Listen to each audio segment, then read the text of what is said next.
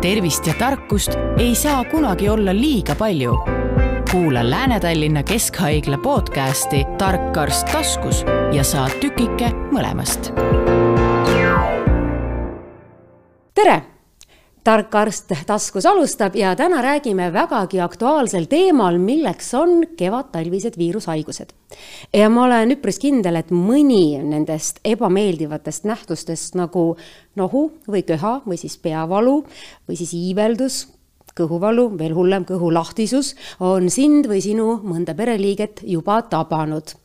kuidas aga teha nii, et viirustest kõrvale jääda või mida teha siis, kui kuri tõbi on siiski kätte saanud, seekordses saates räägimegi. stuudios on külas Lääne-Tallinna Keskhaigla infektsioonikontrolli õde Ljudmilla Linnik, tere Ljudmilla! tere! no ütle kohe alustuseks, sa oled ju kursis kogu selle valdkonnaga, et missugused tõved nüüd sel hooajal kõige rohkem inimeste kallale kargavad? mm. -hmm. See on hea küsimus ja siin ei ole mitte midagi uut, sest alates sügisest kuni kevadeni meid tabavad ühed ja samad äh, viirused, mis ka iga aasta. Ja sellisteks viirusteks on peamiselt rinoviirus gripiviirus, nüüd siis Covid-19 viirus, samuti RS-viirused nii et äh, tegelikult äh, need sümptomid, mida te praegust nimetasite, need on kõik nii-öelda rahvasuus kõlavad äh, külmetushaiguste sümptomid. et me kõik teame, et külmetushaigused on olemas, aga seal taga on kindlasti viirus, kes põhjustab seda haigust no kui nüüd tuli juba juttu, et külmetushaigused ja viirus, siis kas see külmetushaigus üldse ikka on olemas või siis juhul, kui sa oled, ütleme, külmetanud siis tuleb see viirus sulle kergemini kallale, et, et kuidas see asi nagu, mõtle, ma olen nii kaua juba elanud ja ma ikka ei tea, kuidas see asi on. Äh, jah, selles mõttes, et kergem on öelda, et mul on külmetushaigus. ja kui me vaatame sümptomeid, on hästi palju ühiseid sümptomeid.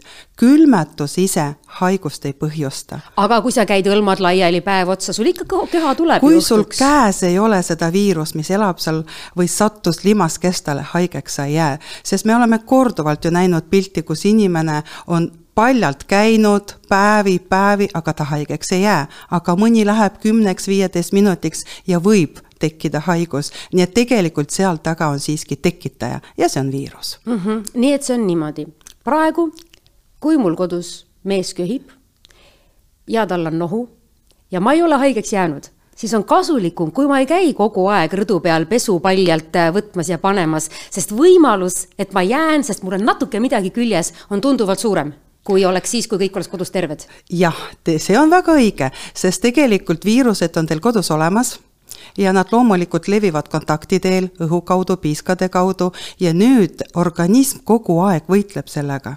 ja kui sina ikkagi vean teda alt natuke, jah? täpselt, natukene ikkagi rohkem pingutad selleks, et teda ikkagi segada selle võitluses, kindlasti jääte haigeks mm. -hmm. nii et pigem hoida Aitäh ennast. aitäh julgustamast ja just, just, see on kõik omavahel väga seotud kuidas aga üldse vahet teha, äh, missugune viirus siis on hetkel äh, tabanud? kui ma nüüd vaatan ringi enda tutvusringkonnas, no mina, minu sõbrad, minu laps, nende sõbrad, kolm last, nende sõbrad, minu töökaaslased, enamasti on niiviisi, et see algab väikse turtsumisega, siis praegu, siis tuleb niisugune vesine nohu ja siis võib juhtuda edasi juba erinevaid asju. et mille peale siis nagu tähelepanu pöörata, kui need esimesed sümptomid on juba tulnud mm? -hmm. isegi arstid ilma vereproovita ei saa teile väga täpselt öelda, millise, millise viirushaigusega on tegemist, aga mis on kindel. Äh, gripihaigust igaüks meist ütleb väga täpselt, kuna need sümptomid algasid, sest gripihaiguse algus on väga äkiline ja see jääb meelde. mul tekivad külmavärinad mm, -hmm. kõrge tem-, kehatemperatuur, pea muutub raskeks, isegi peavalu tekib, tekib väsimus, tahaks sooja mõnusa teki alla peitu minna. ehk gripp algab väga häkki, see on äkilise algusega, seda jääme ma tean küll, ma tean küll, millest te praegu räägite. oma mehe tervisest ma võin rääkida lõputult, eks ole. igatahes temaga meil juhtus niiviisi äh, möödunud hooajal, et ta tõusis diivanilt püsti, et minna kööki ja selle kolme-nelja sammu jooksul ta ütles, oh, nüüd ma jäin haigeks et see oli tõesti järsk ja ta tõesti sai diagnoosiks gripp seal oli veel mingeid täpsustusi, mis gripp see just Täpselt oli. aga nii, nagu niimoodi ja, see juhtuski. sest tegelikult see on väga järsu või äkilise algusega.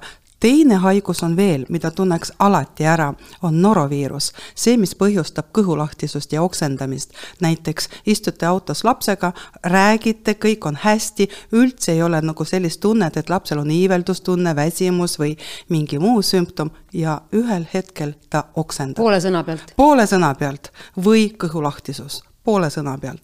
nii et selles mõttes, et see on ka äkiline algus, mis kiirelt tuleb ja muidugi õnneks kiirelt ka läheb no tegelikult me saime siin nüüd paari minutiga väga konkreetsed asjad selgeks tehtud.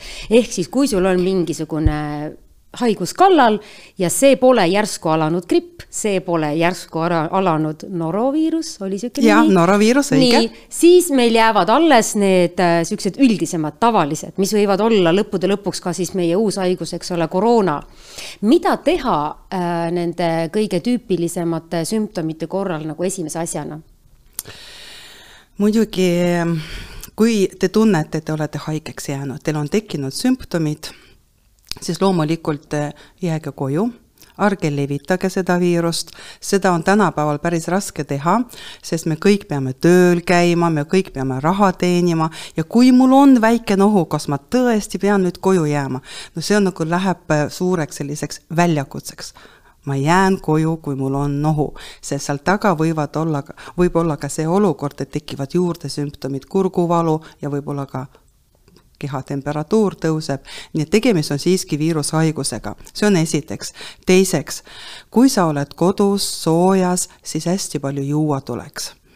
Ja nüüd, kui on kodus veel ka teised pereliikmed, siis võiks ikkagi meelde tuletada, et on olemas elementaarne, kõige parem, kõige efektiivsem meetod, kätepesu sest midagi pole teha, enamus viiruseid, me, me, nad satuvad meile kätte ja me tahame seda nina nokkida, sügada, me tahame midagi ka suhu panna ja siin on oluline, et me ikkagi seda viirust käte pealt ära peseme.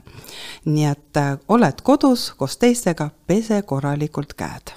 Ei no kui see koroona alguses tuli, ma ju desinfitseerisin nagu hull aga praegu tuleks nagu tollest ajast vist mõned äh, asjad nagu ikkagi nagu taas võtta nagu kasutusele, et ütleme, kui sul on kodus see viirushaige, on ju, või oled ise, siis ma arvan, et lisaks kätepesule tegelikult ju tuleks need ukselingid ka ära desinfitseerida, sest et muidu on niimoodi, et sa käid ja korjad ikka selle ju kuskilt ülesse.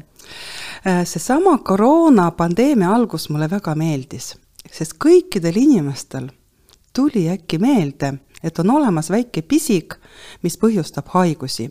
ja kõik said kohe aru, et see võib olla pinna peal, see võib olla käte peal, sest meil tekkisid kindad ja, ja kõik said kohe ka aru, et see levib rääkimisel, laulmisel, hingamisel, köhimisel, aevastamisel ja meil tekkisid kaitsemaski, maskid. aga tegelikult kodus ei maksa hulluks minna mõelge ise, me teame, et meil on teatud pinnad, nad on saastunud, seal võib olla viirus.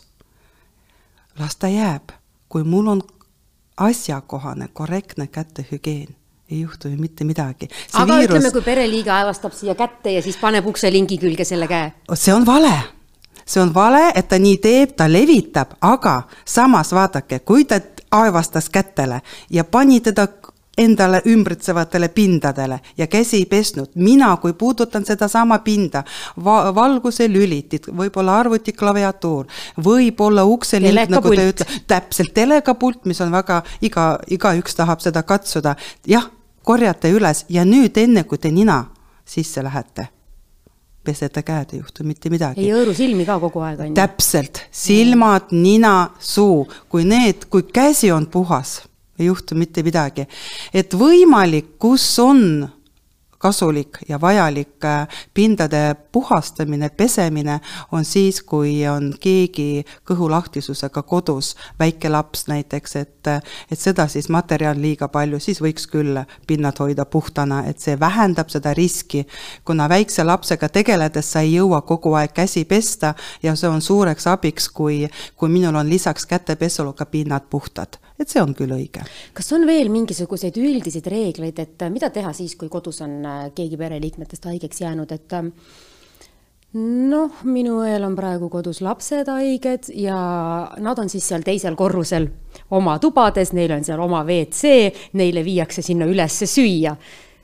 et nad ei nakataks teisi. kas see on nüüd natuke liiga palju või see on täiesti okei okay?? võimalik, et see on natuke liiga palju, aga see on väga hea, et haige inimene on siiski natukene eraldi. ka mina oma kodus kasutan seda reeglit, kui keegi meil on tõbine, meil on võimalus, et see inimene on meist eraldi, et kas või esimestel päevadel, kui tekkis viiru-, kui tekkisid viirussümptomid, et see on väga suureks abiks. et tegelikult ei maksa seda nagu võimestada, et sa paned enda kõrvale inimest, kes on sümptomitega, et, et sa aitad ja jälgid teda kui ta just ei ole imik ja, ja, ja vastsündinud mm -hmm. loomulikult. No eks aga... lastega on ka nii, et kui nad on juba teismelised, kui nad nagunii tahavad oma toas üksi olla, neil on hea meel, et keegi sinna ei tule praegu, siis on korras. ja seda tuleks ka rääkida lapsele, et miks see nii on ja, ja ise ka aru saada ja sellega on kõik hästi. ma ei näe vajadust, et kõik peaksid maskid kodus kandma, kui on keegi gripiviiruse sümptomitega või, või teiste viirustega. nii et selles mõttes jah, natukene eraldatus, distants, kätepuhtus kui mu mehel on nohu ja köha, kas ma peaksin ta panema diivanile magama? No mingi point on selles olemas minna, küll ja mingi, mingi, mingi suur iva selles on küll olemas, et hoia distantsi, aga siin on üks äh, veel aga, et tavaliselt haigused Äh, või viirust inimene levitab üks päev enne sümptomeid. kui te olete kogu aeg ninapidi koos olnud, arvatavasti te olete juba seda viirust kätte aga saanud. minu immuunsus on võib-olla hetkel veidi tugevam, jah? jaa, veidi tugevam ja võib-olla see lähebki teist mööda ja kunagi teinekord haigestuda kusagil teise kontakti jooksul. jah, võib-olla see eraldatus siiski siin on heaks abiks. aga arvatavasti on ka see võimalus olemas, et juba olete kätte saanud seda viirust mm. -hmm et seda, sellega peaks arvestama. ma nüüd hakkasingi mõtlema, et näiteks kui teie olete tööl, teie kolleegid kogu aeg seal diagnoosite, kõik tulevad, köhivad teile näkku, kuidas te üldse terveks jääte? Äh, meil on Immuunsed. mitu ja meil on, ei ole immuun, selles mõttes immuunsete enamus töötajates on vaktsineeritud. me oskame kanda isikukaitsevahendid, me kanname maske õiges kohas, õige kestusega, oskame, teeme seda, püüame, kontrollime, et see oleks täpselt nii. et tegelikult kätehügieen, isikukaitsevahendite kasutamine on päris hea abinõu sellistes olukordades. ja nagu näete, mina olen esimesel päeval olnud Covid patsientidega, käinud ka Saaremaal, Covid osakondades töötanud, aga korrektne kätehügieen, vaktsineeritus, isikukaitsevahendid ja ma pole veel Covid viirust kätte saanud. Te olete üks väheseid eestlasi, kes ei ole olnud. kindlasti, täna ma kindlasti seda üles korjan sel hooajal kindlasti, jah? jah kas sellel hooajal on see Covid kuidagi ka nagu teistsugune natukene? Jah, Covid tüved, äh, mis levivad ühelt inimeselt teisele, nad on erinevad ja põhjustavad ka erinevat sellist pilti. Te kõik mäletate, et äh, teise laine ajal oli see delta Covid viirus, see oli väga kuri, et ta põhjustas enamusel inimestel kopsupõletikku. praegus me pääseme kergemalt aga siiski see on viirushaigus, võimalusel tuleks ennast vaktsineerida. Ja kui on, te näete praegu, et on hooaeg, et püüdke siiski vältida olukordi, kus on rahvast palju, kus, kus ei saa distantsi hoida, et äh, tegelikult kui te lähete, kui teil on endal sümptomid, kasutage maski ja hoidke noh, või olge, olge rohkem kodus, et need kõik abivahendid siiski aitavad, see on hooaeg ja see võiks jääda meie ilusaks mustriks, isegi kui Covid muutub meie jaoks täiesti meie omaks. sest miks mitte, see on meie selline vot Aasia kultuuriruumis on see maski kandmine ju äh, tava juba päris, päris ammu ja see tundus alguses mulle veider, kui ma nägin Tallinna linna peal äh, turiste näiteks, kes, me ei teadnud veel Covidist mitte midagi, nad käisid ringi, neil olid maskid ees. Äh, mul on tütar selline Korea kultuuri huviline ja siis tema selgitas mulle, et, et miks seda maski kantakse. et inimesed peavad teistest lugu, et kui sul on natukene haigustunnuseid, sa paned maski ette või vastupidi, kui sul on mingi oluline asi ees, sa paned maski ette, et keegi keegi sulle midagi ei jagaks. mulle praegu tundub, et me võiksime vähemalt lennujaamas seda siiamaani rakendada, sest hiljuti, kui ma käisin äh, reisil noh, see oli selline summ, mis oli sinna kitsastesse nendesse järjekordadesse kokku surutud, et ma olen väga imestunud, et ma ei jäänud haigeks ja mul terve reis oli niisugune tunne, nüüd jään haigeks, nüüd jään haigeks, sest mu taga kogu aeg keegi köhis. miks mul ei ole maski, siis ma istusin seal dressipluusi varukas näo ees. see võiks olla ju tegelikult elementaarne, et me sellistes keskkondades, kus on äh, paratamatult palju inimesi koos ja me statistiliselt juba ei ole võimalik, et kõik on terved. ja erinevatest riikidest. ja erinevatest riikidest, see on väga oluline koht ja tegelikult see on tõesti lugupidamine teiste suhtes, aga muidugi inimene on päris äh, ego ja teda huvitab ainult enda tervis. ja, ja kui keegi kusagil kuuleb, et pane mask ette, et kedagi teist kaitsta, kahjuks muutub miski meie käitumises ja me seda eriti ei tee. aga tõesti, sa kaitsed ka iseennast. sa oled ruumis, kus on palju rahvast ja kinnine ruum, kus ventilatsioon on küll olemas, aga mask on siin tõesti väga, väga vajalik, see oleks meie hea muster. et nii palju me võiks küll võtta eeskuju äh, rahvastel, kes juba seda teevad ja, ja mitte midagi nendega pole juhtunud. kui te mäletate, kui Eestis pidid kõik maski kandma, et milliseid sümptomeid välja tulid, nii-öelda pseudosümptomeid, näiteks et et äh, ajuturse pidi tekkima ja, ja õhupuudus ja, ja äh, sagenes ka astmahoo esinemised, et sellist, kellel ei ole isegi kunagi astmat olnud ja ei olegi olnud astmat ja astmadiagnoosi isegi pole. äkki see on natuke psühhosomaatiline? täpselt ja, ja tulebki, tundubki, et inimene nagu, kes on selle vastu või ei saa aru, miks selline reegel on olemas, mõtleb sinna natukene asju juurde ja, ja leiab ka tõestust. Äh, ehkki see ei ole mugav, see on fakt fakt, aga no just no ja. just, aga see on fakt.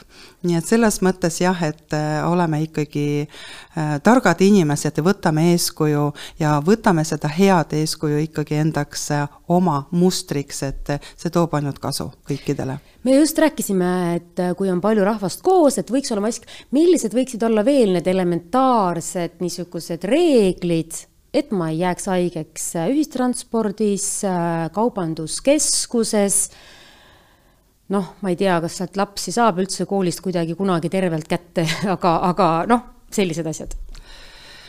jah, et äh, maski kandmine on üks reegel, aga teine on muidugi kätepesu.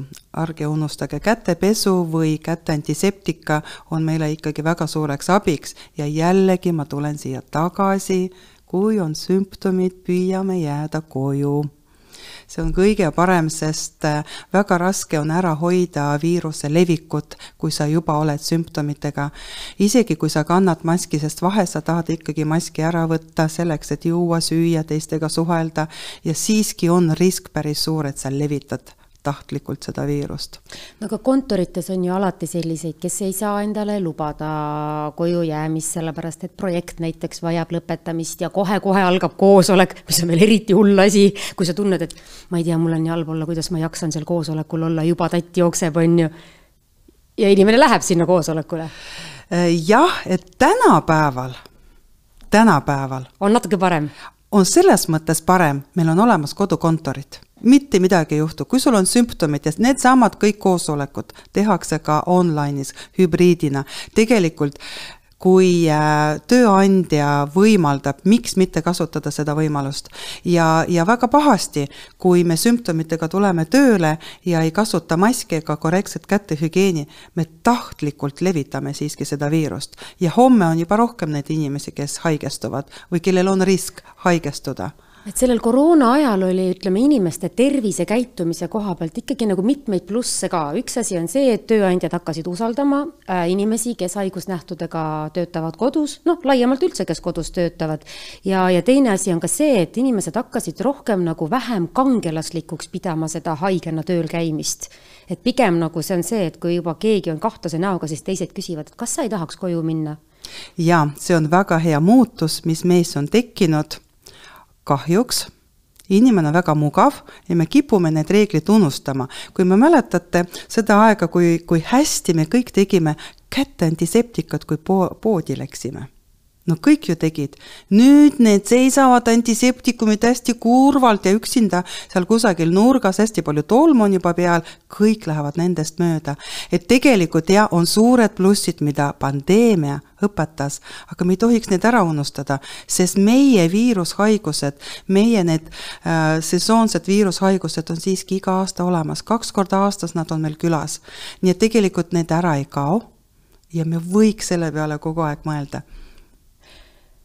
üks asi veel, mida mina ise tähele panin, et kui see koroonaaeg oli, siis ma ei tea, kas see oli mingi ligi kaks aastat, ma ei olnud kordagi haige, mitte ühtegi haigust ei olnud mis tähendab seda, et kõik olid nii tublid ja nii korralikud ja isegi need tavalised haigused, mis muidu hooajad inimesed maha tõmbasid, et need ei pääsenud ka võimule.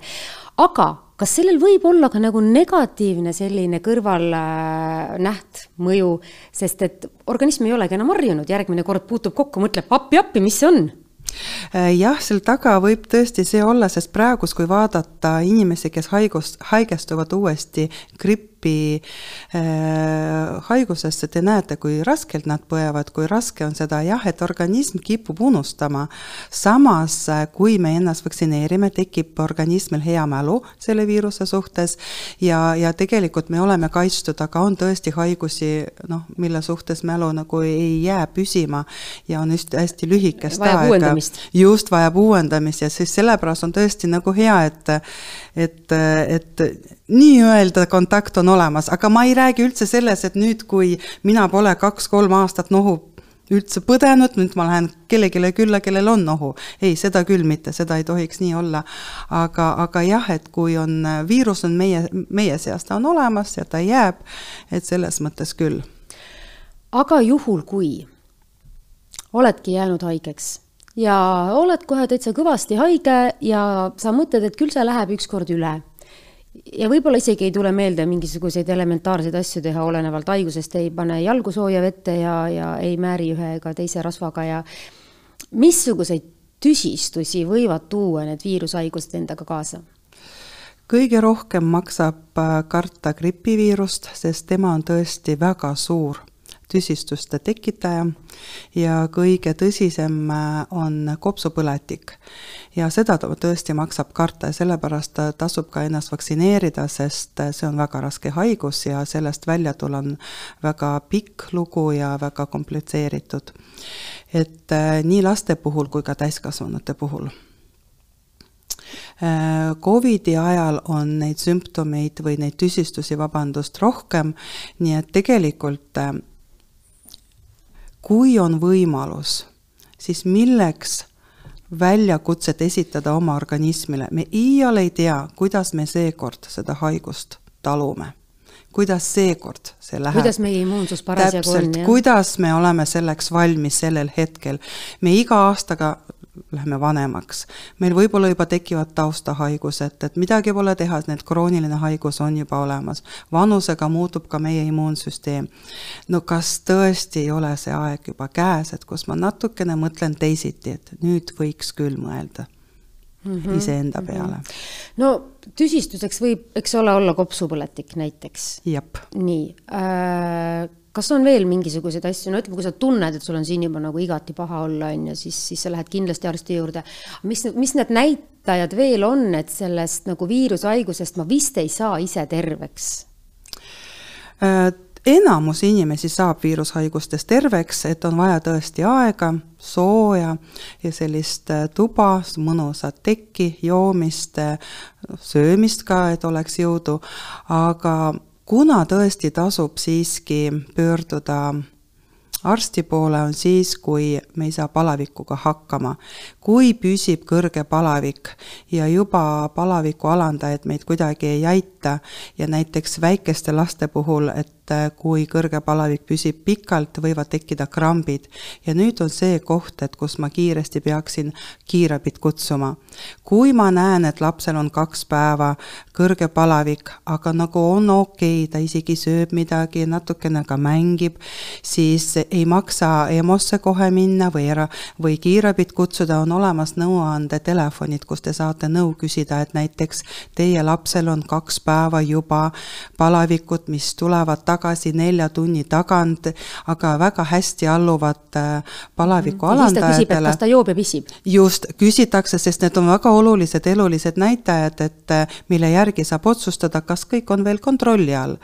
nii et selles mõttes, et äh, nõuandetelefon on alati olemas, et pigem alustada sealt ja isegi eriti enne ööd, noh, kõik me oleme emad, et me teame, kui rahulik on siis magama jääda, kui ma tean, et ma kellegiga, targa inimesega olen rääkinud, et nüüd on kõik okei okay,, jälgin ainult seda ja teist ja kolmandat ja, ja kõik on kontrolli all millisel juhul äh, täiskasvanu puhul äh, võiks mõelda, et peaks vist ikka kutsuma kiirabi? Äh, kui on eluohtlik olukord, et äh, ja kui te tõesti näete, et inimene muutub uimaseks, ei suhtle teiega, ei söö ja palaviku alla ei saa, või siis näiteks te võtate palaviku alandajad, aga väga kiiresti tuleb äh, kõrge temperatuur siiski tagasi ja see kestab juba rohkem kui kolm päeva, siin on juba oht, et läheb ikkagi üle tüsistuseks ja, ja seal juba on vaja sellist jõuliselt sekkumist ehk ravi Ludmilla, te puutute kogu aeg kokku haigete inimestega, millal te olite ise viimati viirushaiguses? Ehm, ma just eelmine nädal põdesin väga tugevat nohu ja see on vist küll praegu nii paljudel. jaa, see oli päris ebameeldiv, nina on kinni, rääkida ei saa ja, ja magada korralikult ei saa. et väga eba, ebameeldiv äh, selline kogemus, aga, ja ma ei tea, kus ma seda kätte sain mul ei ole meeles, et ma ei no olin... kõik teised inimesed võivad öelda, et ma ei tea, teie tea. teate väga hästi, te olete kogu aeg haigete inimestega et, koos. Kindlasti mitte haiglas, kuna haiglas me kõik, kui me läheme patsiendi juurde, kanname mm -hmm. kaitsemaskid, aga kusagil ma arvan mujalt, et aga, aga jah, seda, seda kogemust ma nüüd kätte sain, et see oli väga meeles. nohuga on selline lugu, et ta on nii halb, ta on nii ebameeldiv, sul isegi mõte ei jookse ja sul on aju kuidagi umbes aga ometi see tundub, et noh, öeldakse, et kuule, see on nohu. ja isegi mälule ta mõjutab. ja mälule mõjub see, täiega. mälu, paned ta klaas vett kuhugi ja, ja ei ja, mäleta, kus see ja, klaas vesi on. aga ometi sellesse natukene suhtutakse nii, et see pole mingi tõsine asi noh, see probleem, see probleem on ka nohu, vaata, on ju. aga tegelikult ja, on nohu ja. nii halb asi. no öelge nüüd inimestele välja, kas nohuga võib jääda töölt koju? jaa, lausa peab. ja, ja selles mõttes see on väga kergesti leviv äh, viirushaigus. no milleks seda siis levitada? Äh, et äh, võib tööle minna, kui on viies-kuues päev, kui ta ei ole enam nii nakkav ja kui sa ka korrektselt aga kui sa oled näiteks tööl ja sa tunned, okei okay,, hakkab, kas kohe arvutikaenlasse minema, sest et see on see, see on see hetk, kui sa teisi juba nakatama hakkad. no muidugi see oleks ideaalne pilt, aga, aga mõelge, kui palju on meil selliseid allergilisi reaktsioone erinevate ja, ja. ainete suhtes ja või aga... ütleme, kui sa oled sellisel töökohal, kus sa ei saa kohe minema marssida, aga sa ju saad maski ette panna. saab ja tulebki seda ja. teha. oletame, et ma olen haige ja ma, me siin räägime praegu omavahel, ma isegi võib-olla tead, aevastan teie peale. näiteks, ma katsun kõrvale, aga noh, isegi kui ma siia aevastaksin kogemata või siia varukasse, kui kaugele see siin ruumis levib? Äh, aevastamine on see, mis tõesti lükkab seda viirust kuni kuus meetrit edasi nii et kujutage ette ja kui minu abikaasa aevastab, see on kindlasti kümme, kaksteist meetrit, see tuleb jõuliselt ja ta lendab päris kaugele. aga mis on positiivne, on see, see on siiski piisk nakkus, ta on suur piisk, raske, ta tuleb ja kohe kukub maha, et ta ei jää õhku hõljuma. see, et te ütlesite, et te keerate pead ära ja panete varuka, see on väga ilus muster, seda tuleks kasutada ja jah, aga muidu see ruum siin meie ümber on tegelikult päris väike, ma aevastaksin selle põh vastu seina, toretan jääb... piisk, tagasi ei tule. jep, ja viirus ongi õhus. Ja, ja tegelikult, kes me kõrval siin oleme, me võimegi ka üles korjata, täpselt see nii juhtubki. jah, aga kuidas hoida enda organismi immuunsust äh, tugevana? et äh, viia see nagu miinimumini, see võimalus, et üldse nagu noh, päris miinimumi ei saa, aga no ütleme võimalikult väikeseks see nakatumise võimalus. Äh, meil inimeste seas on selline muster välja kujunenud, et kui laps jääb haigeks või ise jääd haigeks, siis me läheme poodi, ostame apelsine, mingit äh, puuvilju, kus on hästi palju vitamiine. tegelikult seda tuleks teha enne, enne kui me haigeks jääme, sest tegelikult me võiks süüa tõesti korralikult toitu, kus on palju vitamiini. vitamiinid on vajalikud selleks, et meie siis äh, kaitserakud äh, poputada ja hoida neid ikkagi valves, et nad oleksid valmis igale viirusele. samuti väga hea uni on oluline, tuleks korralikult magada, et, et meil oleks rohkem jõudu selliste väljakutsedega või, võidelda. muidugi värske õhk, füüsiline aktiivsus, kõik need, siin ei ole mitte midagi uut, kõik on see, mis soodustab seda, et meil on rohkem jõudu selleks, et võidelda selle külalisega, kes meisse sisse saab hingamisteede kaudu mm. -hmm. täpselt nii on kuna sa käisid viimast korda värske õhugas jooksmas, jalutamas? issand, ma ei jookse üldse, aga, aga ma käin kõndimas. Ja ma käisin, nädalavahetusel oli äh, väga ilus päikeseline ilm. ma käisin kõndimas, väikese tiiru tegin koos koeraga, koer on väike, tal oli küll jope seljas, viisin ta tuppa tagasi varsti, siis tegin ise pikema tiiru. nii et selles mõttes mulle meeldib väga jalutada. Ja ma kuidagi tunnen, kuidas kuidas kehas on. See parem energia või puhtam tunne, kui ma olen õues on. jalutanud et see on tõsi, aga no jooksmine jalutamine on ka väga hea, aga tasub seda meeles pidada jah, enne juba haigestumist seda tasuks teha. ja seda õhutamist ma mäletan tegelikult, kui ähm, mu lapsed käisid lasteaias või siis, äh, kui ma ise käisin koolis, siis sellel ajal oli väga palju seda, et õhutame kõik toad, vahepeal lähme kõik teise tuppa ja, või siis õue on ju, ja õhutame kõik ruumid ära. ja koolis õhutati kõik klassid ära. tänapäeval ei käigi aknad lahtigi tänapäeval on väga head ventilatsioonisüsteemid ja nemad siis ka teevad seda õhuvahetust päris sageli klassiruumides ja üldse ruumides ja mõned äh, korterid, äh, majad, töökohad ongi sellised, kus ei saagi aknad lahti teha, aga on väga hea ja tõhus ventilatsioon olemas. et kui ventilatsiooni ei ole, siis ikkagi see klassiruumide õhutamine on väga tähtis mm. -hmm. loomulikult kodus ka tuleks õhutada haige olemisest ja selle ennetamisest me oleme nüüd siin äh, rääkinud, aga pärast põdemist. mida teha pärast põdemist, et nagu rutemini saada ennast uuesti selliseks äh, noh, tugevaks ja, ja, ja tegusaks? Tuleks anda organismile aega, et ta rahulikult taastaks, et ei tohiks kohe koormata sellega, et ma lähen nüüd jälle tööle koheselt, nii esimesel võimalusel, andke aega, rohkem tuleks puhata, võib-olla isegi valida sellist toitu, mis oleks kergemini seeditav, miks mitte, loomulikult jällegi vitamiinirikas toit hea uni, värske õhk, et rahulikult, las organism rahulikult taastub. see oleks väga positiivne. enamusel meist muidugi ei ole sellist aega, me kohe tormame tööle, mis siin parata, aga siis vähemalt toiduga me saame natukenegi suureks plussiks oma organismile toetada. mulle tundub, et ähm, ega organismi ju toetab see ka, et, et kuidas me mõtleme või kuidas me ennast tunneme, et isegi siis, kui sul on nagu palju teha ja sa võiksid olla ja närvitseda ja vuh-vuh, mis mul kõik teha on. aga kui sa oled rahulik, siis minu meelest on sul nagu organism ka paremas seisus. mis siis, et sul on palju teha, noh, sa teed seda rahulikult ja siis kuidagi sa oled nagu tugevam võimalik, võimalik, see kõik on omavahel seotud ja, ja kui me oleme üldse rahulikud ja tasakaalus, alati on kõige parem olukord meie me,, meile endale ja ise tunneme ka, et me ei ole endale liiga teinud. aga kas sa suudad alati? töökoha, postil olla rahulik inimesed on ümber sind ja alati tekib mingi emotsioon. ja, ja kui on võimalus, siis kui sa oled kodus, see on võimalik, aga töökohas on ikkagi hästi palju selliseid kontakte, kus võib tekkida negatiivne emotsioon, kus hakkab jälle see lumepall veerema väiksest asjast ja aga stressis inimene jääb no, kergemini haigeks. ja jääb jälle kõik jõuame tagasi, et jälle tulebki see tugev ebameeldiv nohu, mis ei anna sulle magada ega elada kuidagi, nii et tasub mõelda.